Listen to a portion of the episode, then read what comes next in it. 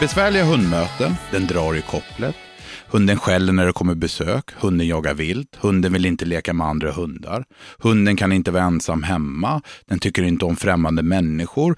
Det är ju utan tvekan helt fantastiskt att ha en hund, men precis som med kanske små barn så kommer då och då ett och annat problem. Problem och lösningar på problemen är precis vad dagens poddavsnitt ska handla om. Du lyssnar på mig, hundcoachen Fredrik Sten och på Hundpodden med samma namn. I studion idag har jag en riktig hundexpert med mig. En, han är nästan lika hundexpertig som jag. Eh, Leif Hedberg, välkommen hit. Tack. Hur känns det att vara här? Vad bra. Gillar du att snacka hund? Eh, för mycket. Ja, det är bra. Eh, Leif, du är före detta polis. Du arbetar idag eh, med problemhundar. Ja. Eh, anser du att det, är, det finns en hel del problem med våra hundar? Tycker du att det är vanligt? Ja, oönskade beteenden absolut. Eh, vilka typer av oönskade beteenden då? Ja, de flesta som jag råkar ut för det är ju hundmöten. Ja. Eh, uppfattas som en stor problematik Mm. kring det. Eh, skäller när det ringer på dörren. Mm. Eh, och drar i koppel. Ja, det är, Det är ungefär, väl- det är samma ungefär Ja, som jag. Det är väl de absolut vanligaste. Mm.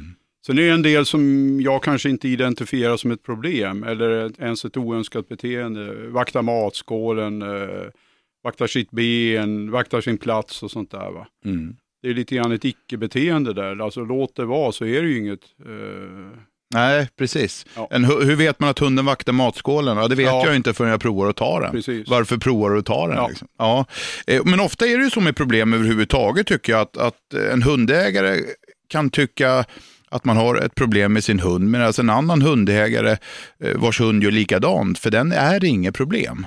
Ja, det är ju väldigt vanligt också. Och så man kan väl säga det att det är hundägaren själv egentligen som äger frågan om det är ett problem eller inte, eller hur? Jo, absolut. Och sen är det ju ett förhållande i familjen då. Alltså Mm. vi är tre stycken i familjen då, varav en oftast eh, som har det största ansvaret, Ja, eller har tagit på det största ansvar. Men då vill man att det ska gå helt friktionsfritt över de andra två också. Mm. Och då har man väldigt olika syn på det där. Va? Och det är väl kanske ingenting vi behöver gå in på här, men alltså där skapar det ju också direkt ett problem. Då måste hunden på något sätt anpassa sig till det här. Och alltså, den som har det största ansvaret har inte något större problem, har en bra relation och sådär och det fungerar.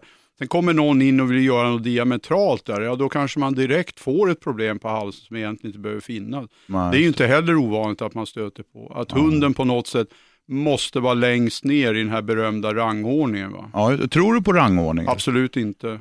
Nej. Inte människa, hund i alla fall. Hund Nej. och hund, absolut. Och kanske hund och katt och hund och häst och så. Ja, ja. Absolut inte i en eh, alltså hund-människa-relation. Nej. Nej, jag gör inte heller det. Och framförallt så pratar man ledarroller, då tror jag, eller ja, pratar man ledarskap, då, då tycker jag att det handlar mer om ledarroller än att, än att en enskild individ bestämmer allt, så att säga. Absolut. Alltså man har en lekledare, man har en, en jaktledare och så vidare. Och det här kan variera mm, i flocken, så att säga. Så det är inte en som bestämmer allt, det är min uppfattning i alla fall. Ja, jag vill, ja, precis. Jag delar den helt. Jag Mm. menar, det är ju inte alltid så att jag som, som hundägare eller hundförare bestämmer över hunden. Han kanske bestämmer över mig. Nu ska vi gå dit eller nu gör vi Mm. dit. Jag är väldigt mycket till fjälls då. Det är ju liksom min absolut stora passion med Mm. hunden. Där har jag förvånats många gånger. Varför tog du den vägen? Ja, just det, du Och- följer hunden. Ja, och jag Mm. följer dig. Och ju mer erfaren hunden blir, alltså ju tätare relation Mm. vi får. Jag menar, har jag en fyra femåring då är han ju väldigt, väldigt erfaren. Mm. Och jag blir lika fascinerad varje gång. Det här var ju perfekt väg. Och då vill jag kunna förmedla det på något sätt. Mm. Och då, då har det kanske blivit lite dubbeltum, ett extra leende och sådär. Mm. Va? Eller duktig hund. Och, ja, hur mycket av det förstår han? Ja, det kanske inte är så mycket. Det är väl mer för min egen. Men alltså jag blir väldigt fascinerad över det här att där har jag ingenting att säga till om. Nej. Och det bekymrar inte dig? Absolut Du tycker inte att du förlorar något i, i man nu ska prata ledarskap eller vad nu nämner. Du tycker inte att du förlorar något att hunden får bestämma väg? Nej, jag får säga nästan tvärtom, men kanske Mm. inte så jag menar. Nej, det gör jag absolut inte. Jag, jag har väl som grundfilosofi mellan mig och mina hundar, det är att jag ger dem ett väldigt, väldigt stort ansvar. Mm. En del tycker för stort, för tidigt. Men det är ju en del av det här. Alltså, Mm. Att jag ger dem ett väldigt stort ansvar, det är ju därför att jag litar på dem. Och vad är problemet? Alltså vad kan gå fel? Ja, snöbryggan håller inte. Nej, okej, då löser jag det då. Va? Mm.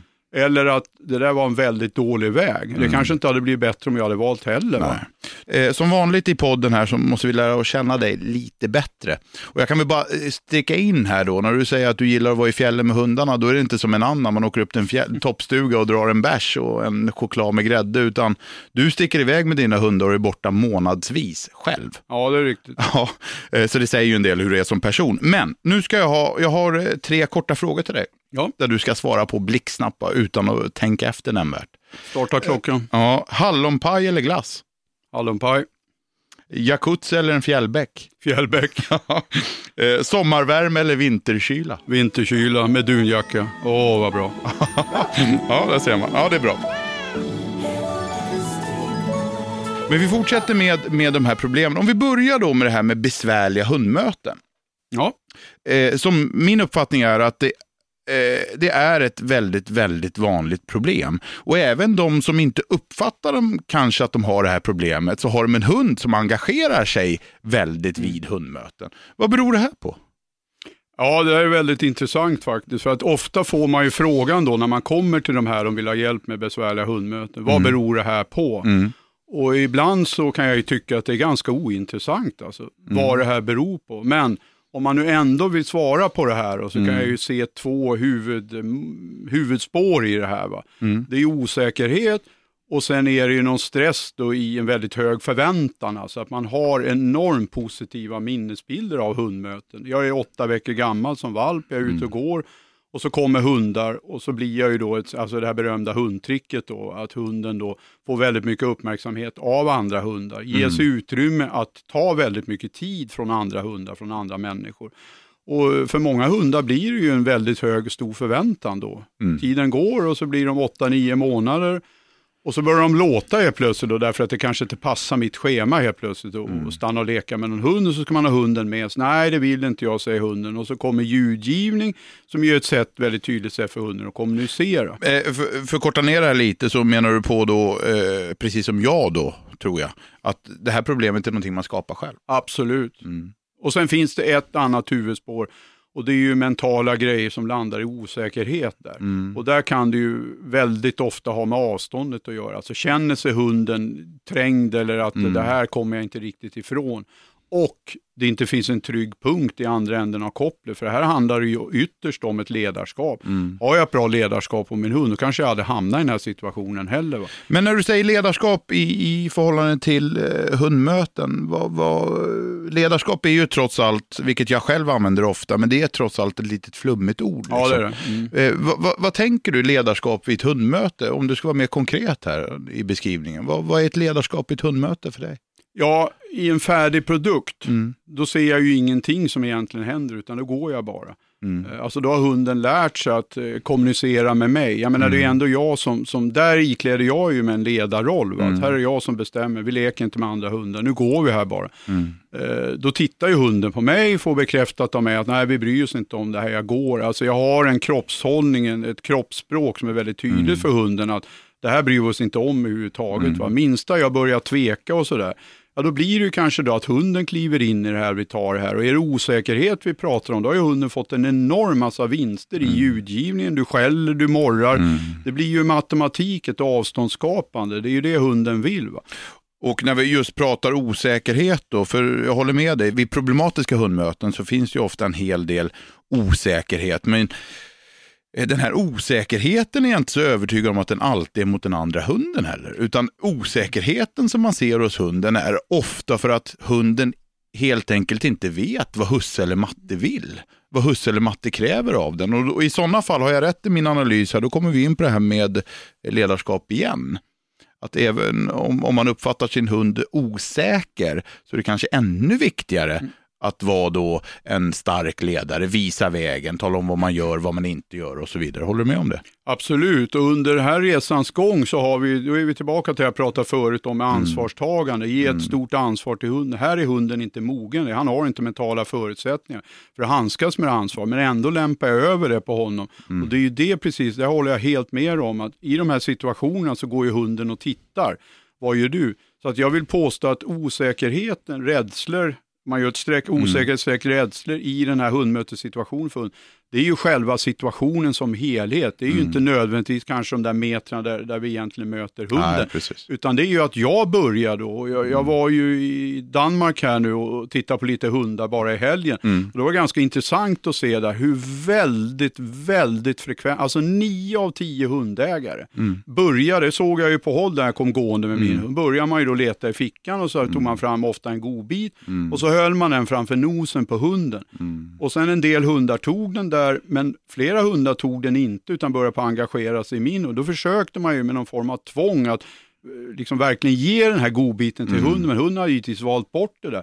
Och där fanns det ju inget, utan där stod ju bara den här hundföraren och lockade med godis istället för att ta tag i situationen, att nu gör vi det här. Och hunden styrde väldigt tydligt över mot mot min hund och jag var inte alls övertygad om att det var att han ville slåss eller någonting sånt. Va?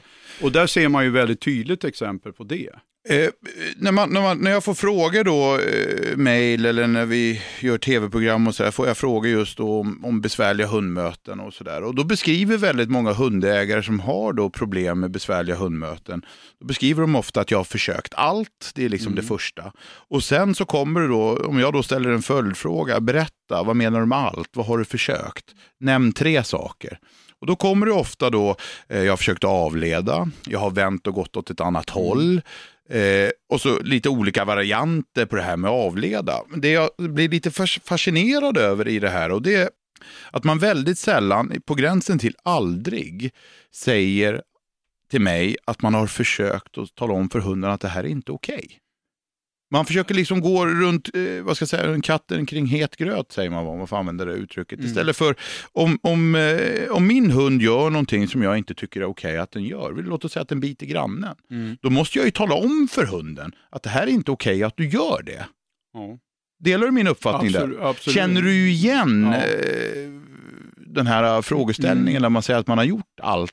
Ja, oh ja, det säger alla vill jag påstå. Ja. Var kommer det ifrån? Redan i telefon där så, jag, jag tror att eh, man har ju frågat runt i det här. Ja. Jag tror att de flesta hundägare har inte liksom hållit på hemma, utan man har frågat runt. Man har frågat bekanta som har flera hundar. Man kanske är lite engagerad i någon hundförening eller sådär. Mm. Och så har man frågat runt där. Man kanske till och med har, har eh, skrivit på något forum och frågat. Man kanske till och med har ringt till någon och frågat. Och då får man ju de här, eh, vill jag påstå, nästan klassiska tipsen. Va? Det är spruta vatten på hunden, det är eh, locka med en godbit, ha en leksak, vänd och gå åt andra hållet. Det är väl ungefär där man landar tycker jag. Sen det finns det ju säkert några fler grejer, men de flesta landar ju där. När du tränar Ja, hund, min, besvärliga hundmöten, vad gör du då? min egen hund eller andras, Andras? andras hundar, ja, då börjar jag ju redan eh, alltså, på långt håll så att säga. Så Mm. börjar man ju på att studera hunden. När börjar hunden på att engagera sig? Är det på 100 meter? Är det på 50 meter? Är det på 40 meter? Eller vad det är? Ja, då säger vi att på ungefär 20 meter, där får jag reaktionen då Mm. på hunden. Ja, då innebär det att då, då ingriper jag då kanske på 25 meter. Eller Innan hunden har Ja, agerat? precis. Du förekommer alltså? Exakt, på 30 meter, 25 eller 30 meter. Då ger jag hunden en uppgift. Mm. Och eftersom de allra, allra flesta hundarna kan sitt i någon form i alla fall, Mm. Då ser jag till att hunden sitter där. Mm. Och så får hunden koncentrera sig på mig, för att då, då kan han inte uh, intresseras för någonting annat. Hunden kan bara ha, bearbeta en retning i taget. Va? Mm. Och den retningen nu i det här fallet, det blir jag då. Mm. Och då ser jag till att hunden sitter där och då kanske jag gör det enkelt för mig. Ställer mig med ryggen mot den här hunden eller vrider oss på något sätt då, så han inte direkt har fokus på den. Då. Mm. Och sen då när det här hundmötet är över, Mm. då ser jag ju till att hålla kvar koncentrationen. Så att jag liksom inte, ja nu har hunden gått förbi med en meter, då är hopp och lek, ja, och så leker vi det. Men då behåller jag ju koncentrationen i det här Mm. eh, ganska lång tid efteråt. Mm. Och ofta då så vänder jag, så mm. går jag efter den här hunden och ja, ser när får jag ett ökat intresse igen. Då försöker jag öka på stegen. Mm. Och märker att den här andra hunden och hundägaren är okej okay i det här avseendet. Ja. Kanske jag till och med ber om, är det möjligt att du kan stanna där eller kan du gå över och ställa dig där? Något. För då vill jag ju få en omedelbar kvittens på av mm. hunden att det här fungerar, han är på rätt spår och så. Och så kör vi där ett antal hundmöten. Och sen är jag väldigt nöjd med det. Mm. Då släpper vi ju det då. Och sen gör man någonting annat. Och sen kanske man tar upp ett hundmöte igen för att mm. då får det här sjunka in lite grann. Och då får jag också en kvittens på hur mycket av det här tog hunden åt sig av. Mm. Ja, han kanske börjar då, vilket inte är ovanligt, han börjar titta på mig när det närmar sig en hund. Va? Det mm. känns ju jättebra. Och då belönar jag ju det omedelbart och kanske inte alltid med godis, utan Nej, med precis. rösten och med eh, klapp eller att jag håller på och busar. Det är ju också mm. väldigt beroende på vad det är för typ av hund. Mm. Har han väldigt lätt att gå upp i stress, mm. då kanske inte bråk och, eller alltså, väldigt mycket fysiskt där är inte optimalt. Då kanske det är att ge honom en godbit eller någonting mm. sånt där. Men att hunden får en uppgift, det märker man ju direkt. Mm. Att hunden på något sätt mår bra av det. Ja, nu har jag det här att göra. Då skapar jag också en trygghet i situationen. Då vet hunden hela tiden vad han ska göra. Och sen när man har hållit på med det här ett tag, då kan man ju se också att hundarna spontant när det kommer ett hundmöte så, så sätter sig hunden ner mm. och förväntar sig, oj vad kommer nu, vad kommer nu? Och då spelar jag ju med på det jättesnabbt alltså. Men man kan säga så här då, för att sammanfatta det här lite grann, för vi ska prata om fler problem, men, men eh, här är, verkar ju du och jag vara helt överens. Det handlar om att förekomma. Absolut. Det vill säga inte vänta på att problemet nej, uppstår nej. så att man kan straffa hunden, mm. för det är inte det det här är frågan om. Utan man agerar innan problemet uppstår. Eh, och sen då att man ställer ett krav på hunden, alltså krav på nu ska du göra det här istället ja. för det där. Och sen då någon typ av belöning. Mm. Och den belöningen ska vara individanpassad. Ja, väldigt viktigt. Mm. Och sen vill jag ju inte ingripa som du säger, vänta då till, alltså när hunden är väldigt hög i stress, om man nu är, det är det till exempel. Mm. Alltså när, ju högre hunden är i drift, ju svårare är det ju att nå honom. Plus mm. att man får ju heller inte eh, ta bort det faktumet här att hunden har gjort det här kanske 5000 gånger. Mm. Alltså det är ju ett vanebeteende. Nu kommer en hund och gör så här. Mm. Och så är jag plötsligt 5001, då ska jag presentera ett annat beteende. Ja, och då kanske inte klickar i sådär jättesnabbt då och lätt. Va? Därför är det ju viktigt, ju tidigare jag gör det här, mm. då har jag ju hunden väl under kontroll också. Mm.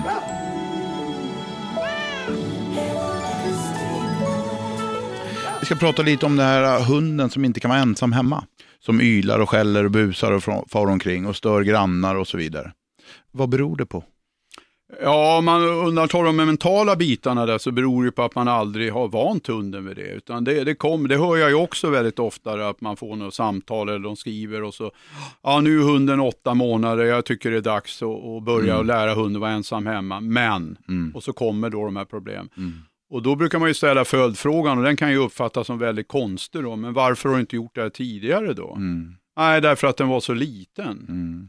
Jaha, och vad är problemet i det? Och så blir det en diskussion kring det då, men, men där vill jag påstå att du har huvudanledningen till mm. det. Om du börjar med det väldigt, väldigt tidigt, åtta veckor säger vi att mm. hunden är, eller valpen är när du hämtar den då, mm. kanske inte första dagen, men varför inte första veckan? Och här tänker man sig då kanske en timme, man ska gå ut och äta eller, ja. och så ska man ha hunden ensam. Men, men det är ju inte ensamhetsträning för mig. Inte. Nej. Vad är ensamhetsträning för dig då? Ja, det kan ju vara till exempel att jag är i kök och hunden inte är i köket, mm. utan hunden är i hallen, det beroende nu på hur planritningen ser ut. Mm. Va? Men det är ju att hunden inte är i samma utrymme som jag är. Att hunden är i bilen mm. där bak i en, en säker bur. Mm. Det är också en form av ensamhetsträning. Mm. Jag går ut och ska betala P-avgiften eller jag går ut och fixar med det. Ja, där är det ju mm. ensamhetsträning. Och Må där är det ju sällan ett problem. Nej, precis. Och jag håller helt med dig. Många gånger så består ju den här ensamhetsträningen av när man frågar hur har du gjort? Det är ju att lämna hunden. Ja. Det är ju ingen träning, utan ja, det, är ju bara, det är ju bara en test på att det inte går hela tiden. Eh, så där är jag helt med dig och det här att man ska börja så tidigt som möjligt, där är jag också med dig. Och jag gör precis som du säger också, att när jag är i bostaden, då tränar jag. Mm. Eh, sitter jag och tittar på eh, nyheterna på kvällen, då behöver inte hunden vara i vardagsrum och så vidare. Och när hunden känner trygghet i det, då är det ju inget problem bara för att jag öppnar och stänger ytterdörren. Precis. Begränsat utrymme är något jag gillar också, att ja. hunden har en mm. plats. Mm. Eh, där den känner sig extra trygg. Mm. Är det någonting du använder dig av ja, också? Ja, väldigt mycket. Jag mm. har ju en, en, en, valp nu då, som är tio månader och eh, det gjorde jag väldigt tidigt med honom. Mm. just det där begränsade. Och det fanns ju nätter där han inte fick sova i mitt sovrum. Mm. Utan då begränsade jag det med ett kompostgaller och så. Mm. va. Och det är klart att visst, det fanns ju ett pip och ett gnäll där, men det var inte långvarigt. Nej. Och idag då så vill jag ju påstå att det är inget problem att lämna honom ensam. Nej. Eh, varken hemma eller så har jag ju provat då eftersom jag byter miljöer så pass ofta. Eh, när vi är ute till fjälls och sådär. Det är inget problem att lämna honom där heller. Man binder honom i, i fjällbjörk där och så är man borta någon timme eller så. Det är Mm. inget problem. Alltså. Nej. Alltså det är träning det här handlar om och eh, träningen tycker inte jag ska bygga på att man säger hej då till hunden och så går man, lämnar man hunden tio minuter och går ner i tvättstugan. Utan träningen sker när man är i bostaden och kan kontrollera det hela. Ja. Där är vi helt överens. Absolut. Om vi byter ämne igen, vi går vidare här. hundar som skäller på allt och alla. Mm. Eh, vi kan hålla oss till hundar som skäller inomhus. Mm. Alltså när det kommer besök exempelvis. Eh, Det är också ett vanligt problem. Ja, det är ju, jag vill påstå att det finns en palett. Mm. När man ringer så har man fokuserat på en sak. Ja. Och det kanske är hundmöten då. Säg. Mm. Men sen när man väl kommer dit och ringer på dörrklockan, Mm. då hör man, jaha, här är en hund hemma. Mm. Eh, Och så, så går man in och sätter sig och så går man igenom det här. Och då kanske man frågar om det här. När jag ringde på dörrklockan här, då, då, att hunden skäller, det har jag liksom inget problem och det är inget konstigt i det. Nej. Men de får ju inte tyst på hunden, utan Nej. hunden går ju på tomgång som man säger, skäller och skäller och skäller och skäller. Mm. Och anledningen till, orsaken till att hunden skäller, den är ju borta i och med att jag kom in och gått in och satt mig. Det finns ju alltså tillfällen man håller för öronen va, och väntar där. Hur, länge ska vi vänta nu? Va? Ja, han tystnar snart. Då kanske det har gått tio minuter faktiskt. Då. Det är också ett, ett problem där jag ofta blir fascinerad över hur man försöker lösa problemet Mm. så att säga. Där är vi där igen, då är det ju ofta då man säger åt hunden att är tyst och så stampar man gärna lite i marken. Ja, just. Jo. Vad det nu är för Mm. signal till hunden. Eh, sen så förekommer det även att man sprutar vatten på Mm. hunden när den skäller. Och sen då, eh, man kan försöka skrämma hunden med att slänga saker bredvid hunden och så vidare. Mm. Och det jag blir fascinerad över och det jag anser är problemet till att man inte får bort det här beteendet, det är att man bara fokuserar på det ljud hunden gör. Ja. Man bryr sig inte om att hunden river upp parkettgolvet och racear ut Mm. i hallen och är först framme vid dörren och hoppar på dörren och Mm. hoppar på besöken och så vidare. Utan man fokuserar bara på ljudet. Mm. Och det är där jag anser att, att eh, eller tvärtom, det är där jag anser problemlösningen Mm, ligger. mm. Strunta i att hunden Ja. låter. Ja. Se, till att bete- se Ja. till så att beteendet upphör. Är vi överens där? eller? Absolut, jag hade ett exempel där på en liten hund och givetvis. Den sprang på fönsterbrädorna. Mm. Och där stod det blomkrukor och grejer, stod. Mm. Ja. Och sprang där. De åkte ju ner i backen och hunden skällde hela tiden. Och då Mm. hörde man, ja du hör själv vad jobbigt det är. Alltså det var ljudet som man reagerade Ja, på. precis. Sen att han sprang och välte ut alla blomkrukor och det såg ut därefter där Ja. uppe. Utan det var, ja du hör ju själv vad jobbig han är. Inte det att du, du ser, titta vad jobbig han är för han Nej. springer runt där. Nej, utan precis. det hade man på något sätt accepterat. Men just det här med ljud, och det är ju därför att grannarna reagerar. Mm. De reagerar ju inte på fönsterbrädan att Nej. han springer där. Utan då var det ju det då att försöka, och det är Mm. ju likadant där va. Då får man ju försöka angripa innan han går igång. Lösningen hade ju sannolikt varit där, för, för att få den hunden att vara tyst, det är att förbjuda hunden att vara i fönsterbrädan. Ja, vad så det den- blev. Ja, Ja, precis, och då så- tystnar hunden. Och det är lite så jag brukar arbeta med hundar som skäller när det kommer, på när det kommer besök, det är att jag fredar området i hallen. Mm. Ja. Eh, alltså skäll om du vill, men du ska inte vara i hallen och skälla. Mm. Utan du får hålla dig någon annanstans. Jag fokuserar inte ens på att hunden ska vara tyst, utan håll dig borta. Ja. Och då tystnar hunden. Ja. Eh, är det, arbetar du på ett liknande sätt? Eller? Ja, på ett liknande sätt. Mm. Där, men jag, jag, eh, jag kör väldigt mycket med att hunden ska sitta. Mm. Och det är mest av det skälet att jag har lärt mig att det är enklare för hundar, för de blir väldigt stressade av att hunden rör sig. Ja, just det kan lätt bli en jakt. där. Ja, precis. Och då har jag kommit på att om hunden får sitta där, var den nu sitter någonstans, men Mm. om hunden sitter, plus att jag tycker att man hjälper hunden lite extra. Mm. Hunden får en upp, lite grann som det här med hundmöte, hunden får en uppgift, nu ska du sitta här. Mm. Och då är min erfarenhet att, att, för jag har provat det här också med att hunden får vara någonstans, Mm. men då ställer det större krav på hundägaren faktiskt. Mm. Att eh, ha en bättre stressnivå då. Mm. Att inte gå igång på att hunden rör. Vad tog han vägen nu? Ja, så, precis som du säger så Mm. blir det någon jakt om man nu, det beror givetvis på hur man bor, men om man då Mm. har utrymme för hunden att så att säga försvinna va. Ja, vad gör han nu? Tänk om han går och äter där, nu har han sönder det och sådär. Mm. Men om hunden får sitta där, Plus att jag tror också att det är bra för hundägarens självförtroende, att de känner på något sätt att här kan jag styra. Mm. Jag säger sitt i hunden och då precis som du säger, det är också min erfarenhet, alltså då går inte hunden, det kan komma något bjäfs och sådär, Mm. men det blir ju inte alls det problemet som det har varit tidigare. Nej. För det är ju ljudet de går igång Mm. på, går man dit och plingar va? och då kan man ju fråga sig varför har vi landat där? Mm. Ja, det är ofta nästan samma sak som med den här valpen. Va? Det är ett enormt en enorm uppmärksamhet på valpen när de kommer Mm. dit. Alla kommer dit, ingen kommer dit för att hälsa på mig, utan Nej. han ska hälsa på valpen. Och skulle den här stackars valpen då, när den nyss har kommit hem, inte vilja gå och hälsa Ja, på folk, Ja. då lägger sig gästerna på golvet Ja. och ägaren till valpen uppmuntrar valpen. Nej, men nu måste du gå och hälsa. Visst är det fascinerande? Ja, det är väldigt ja, ett halvår senare så är det ett stort problem istället. Och hur började det här? Det har de ingen aning om. Tycker du att eh, dina egna hundar exempelvis, eh, om jag kommer hem till dig, måste de hälsa på mig?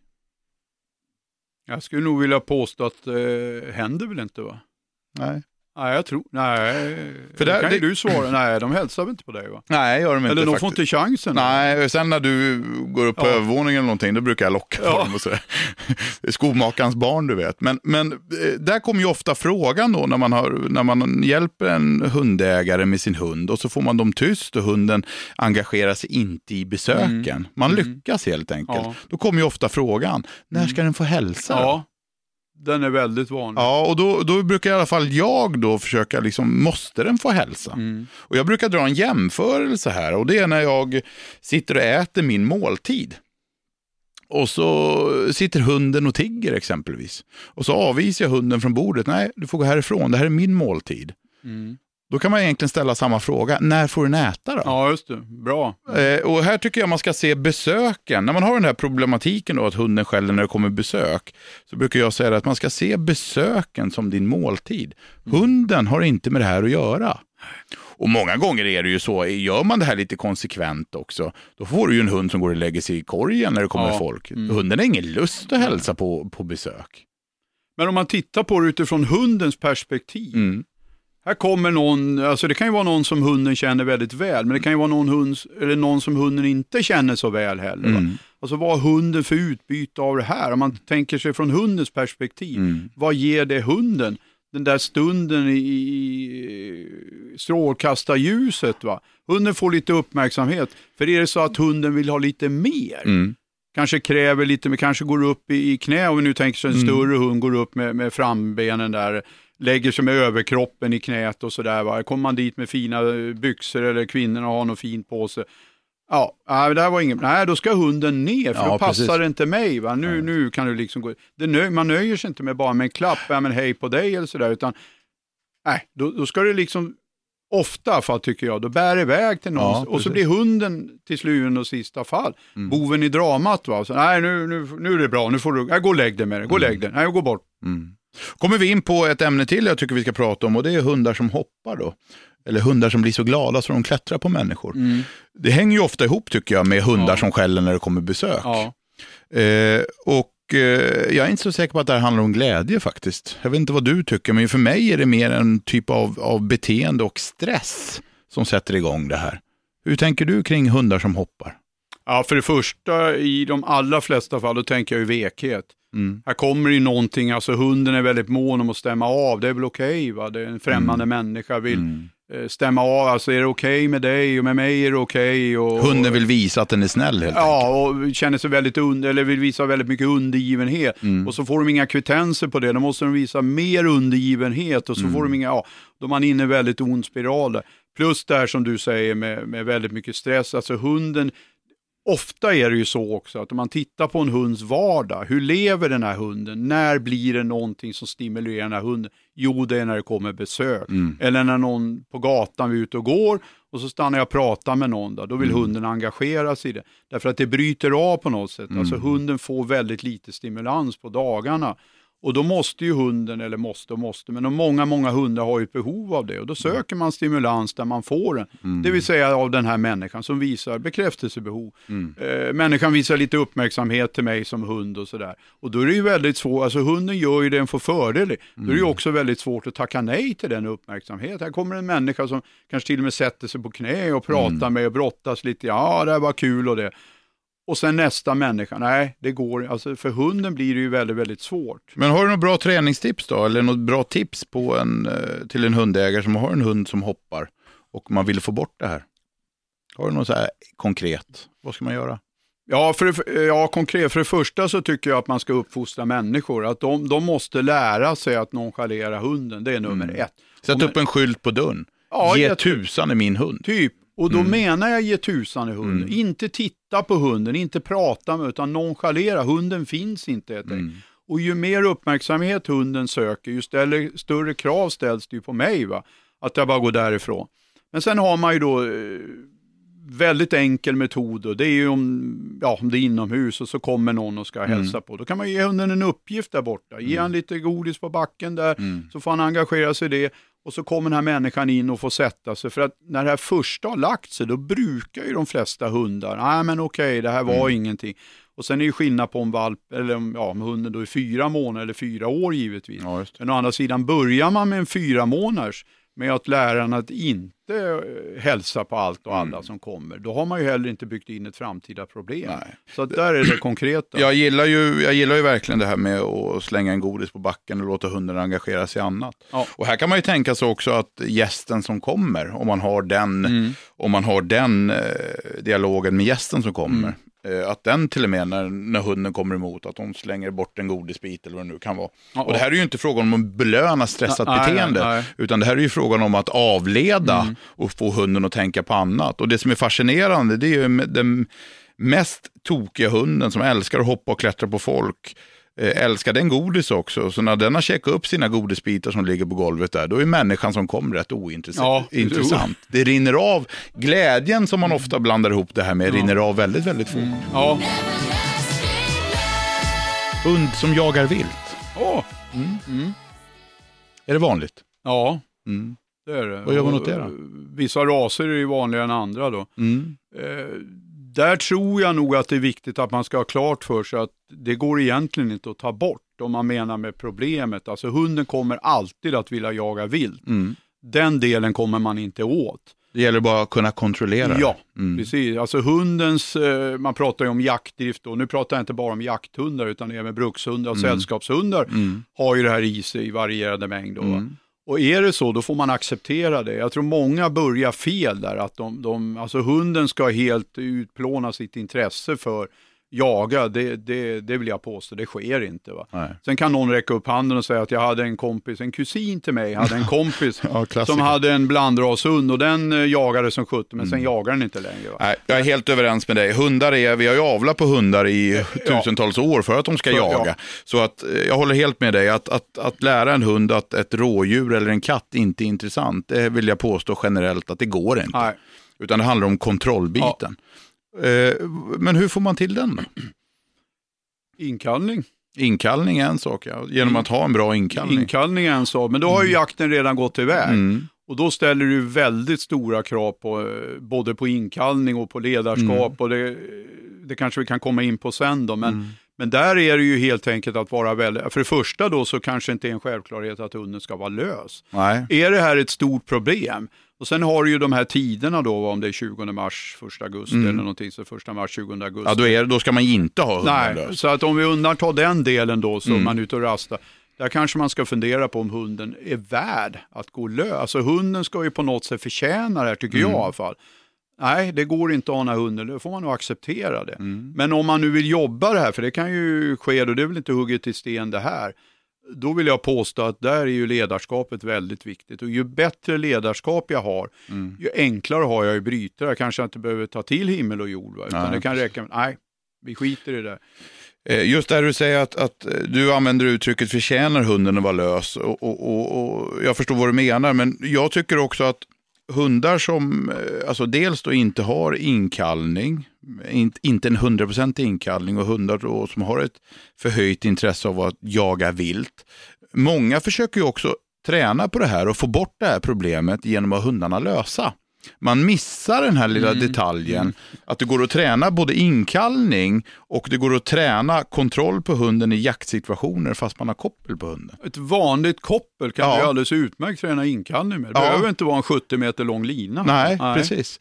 Och, och, och eh, här vill jag nog till er som lyssnar, här vill jag nog, eller till dig som lyssnar, liksom påminna om det. Att det går precis lika bra att träna inkallning och kontroll på hunden i kopplet som om det vore lös.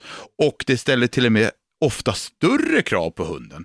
För här har hunden då, vi säger att jag är ute och går på vägen och så går hunden ner i diket och nosar på en och en halv meters koppel. Och så står jag, står jag stilla på vägen och säger kom här till mig nu. Då är det ju till och med svårare med en bra inkallning på det avståndet än om hunden är 30 meter bort. Så Jag, tänk, jag tänkte faktiskt säga det, att eh, jag tänker sticka ut hakan här och säga att jag tror att ni kommer få betydligt svårare att kalla in hunden Ja. i koppel. Alltså, Ja. Jag delar helt den uppfattningen, att det, för det tränar man ju nästan aldrig, Nej, precis. Så det, då är vi överens om det också. tyvärr. Så ja, precis. Det var väl bra i och för sig.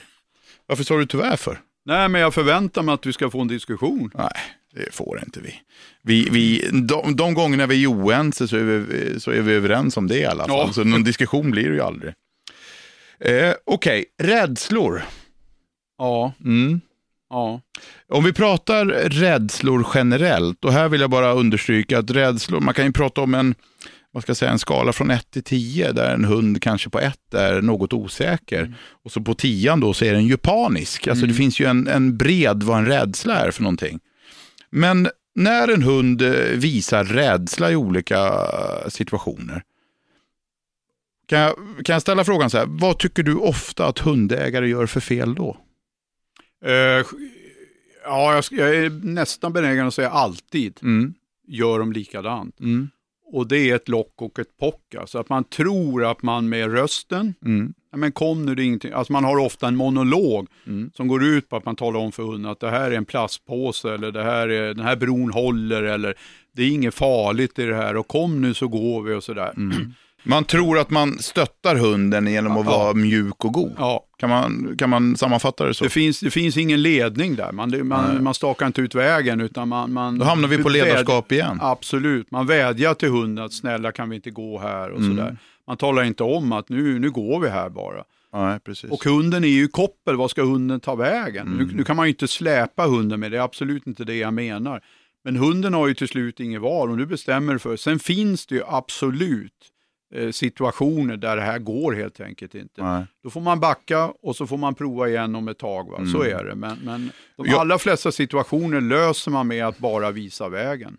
Man Från går... det den är väldigt liten. Ja, just det. Eh, Det är viktigt dock tycker jag att understryka här att man ska tänka på det att när man tränar eller försöker träna bort rädslor, att man är uppmärksam på att det går åt rätt håll. Ja, absolut. Eh, så är det väl med allting i och för sig, men specifikt kanske när det gäller rädslor. Så man inte bedriver en träning som gör hunden mer rädd. Oh ja, oh ja. Mm. Men jag håller helt med det där och visa vägen, vara en tydlig ledare. Nu hamnar vi på det här med ledare igen. Ja. Ledarskap, relation, kommunikation, vad är det? Vad glad jag blir. Mm. Du gillar att prata Ja, om det? verkligen. Ja. Om jag då får svara lite politikermässigt Mm. så, så det jag brukar säga när man är ute hos folk så identifierar jag ganska snabbt tre huvudpunkter. Mm. Här har du problemen Mm. i de här tre sakerna. Och det är att du är otydlig. Mm.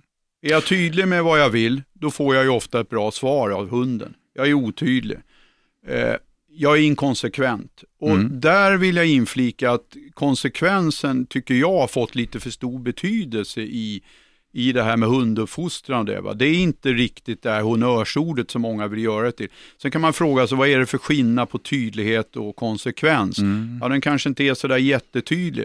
Men konsekvens är ju någonting som de flesta identifierar som att jag är väldigt noga med att göra samma sak varje Mm. gång. Mm. Och det vill jag påstå att det kan vara kontraproduktivt. För då kommer vi in på punkt nummer tre här. Mm. Och det är det här med repriser. Alltså. Mm. Där har du en jättestor fiende. Otydlighet och att det är en massa repriser. Där har du problemen för oss hundägare. Vi Men fast... Men om jag nu påstår då att eh, när vi, du och jag använder uttrycket som otydlighet, eh, så säger exempelvis då våra kritiker att det vi menar då att vi ska vara mer våldsamma. Ja, just det. Ja, har det med det att göra eller? Absolut inte. Nej, Utan hur- nu tar vi ett konkret exempel då. vi tar ju sitt då, som alla hundar då eh, i princip över 10 veckors ålder så kan de sitt i Mm. någon form. Mm. Men frågan är om de kan sitt. sitt.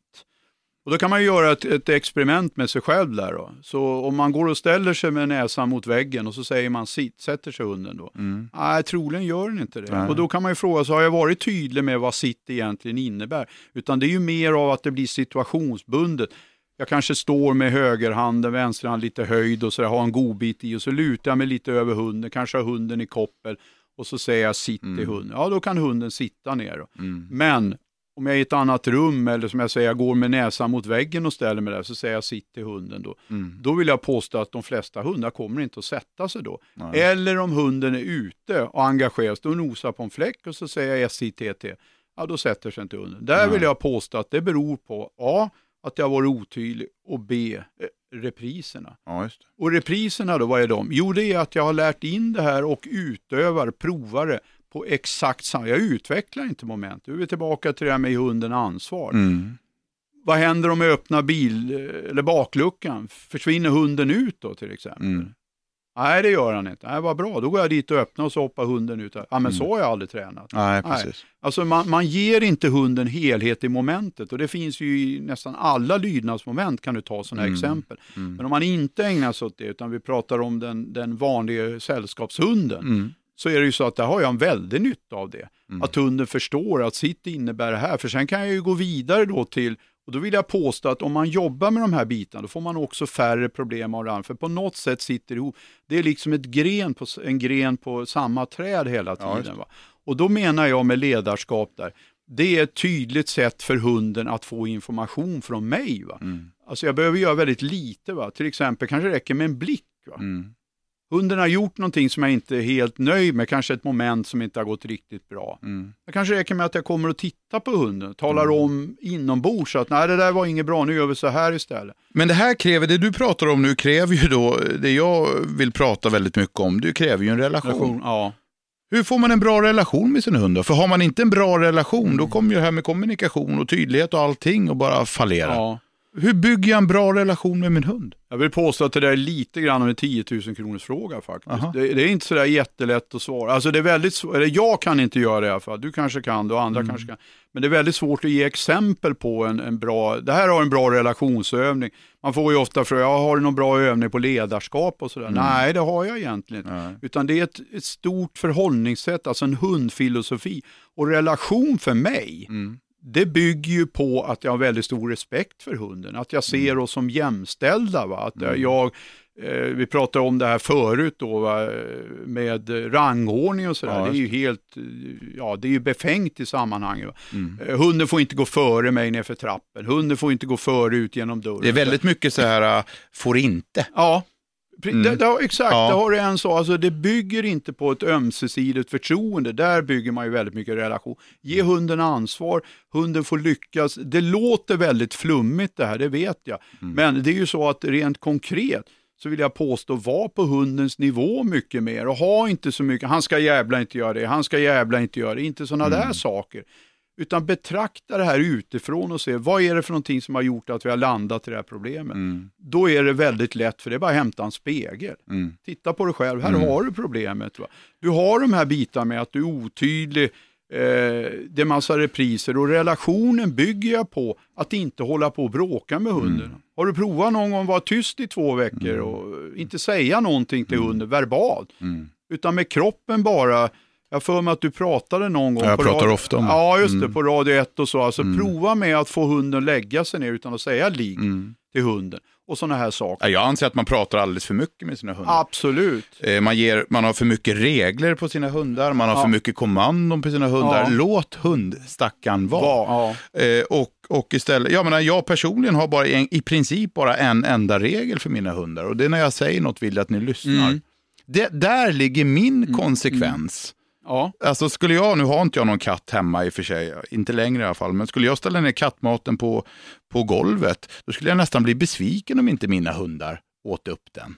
Mm. Alltså jag vill inte ens lära mina hundar att det där är förbjudet. Jag vill ha så få regler som möjligt, men det, där jag är konsekvent, det är att när jag säger någonting vill jag att de lyssnar. Och då menar jag inte säger att jag ska prata med dem, utan jag kan visa med kroppsspråk och så vidare. Jag tycker ofta att man, man hör och, och säga, råkar ut för när man är hemma hos folk, så väldigt ofta hittar man någonting som hunden kan. Mm. Alltså, ja men det, det gör han inte.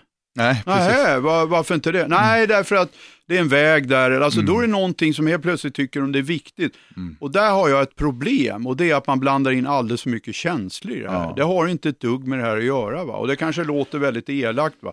men det har inte med det att göra. Så fort du blandar in känslor i det här, och det kanske klicken har en stor fördel, för det finns inga känslor i den, utan den låter likadant hela tiden. Va? Men alltså det här blev då jätteviktigt. Va? Ja, de får absolut inte hoppa på barnbanor, för då ramlar den omkull.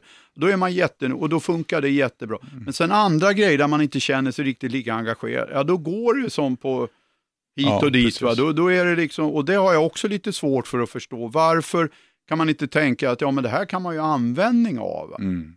Till exempel det här med bilen. Då. Varför ska hunden hoppa ut varje gång jag öppnar bakluckan för det? Nej, precis. Man ska passa på där. Ja, Mm. alltså det får ju med sig andra fördelar som jag Mm. sa. Va? Leif Hedberg, Ja. stort tack för att du kom hit och Tack. snackade hund med mig och snackade problem. Visst Tack. är det underbart att ha hund, trots allt? ja, det är det ju. Mm. Annars skulle man inte ha någon, tror jag. Nej, precis. Eh, och du som lyssnar, glöm inte att prenumerera på min podd här. Följ mig på bloggen på agria.se där jag nästan dagligen bloggar om hundar.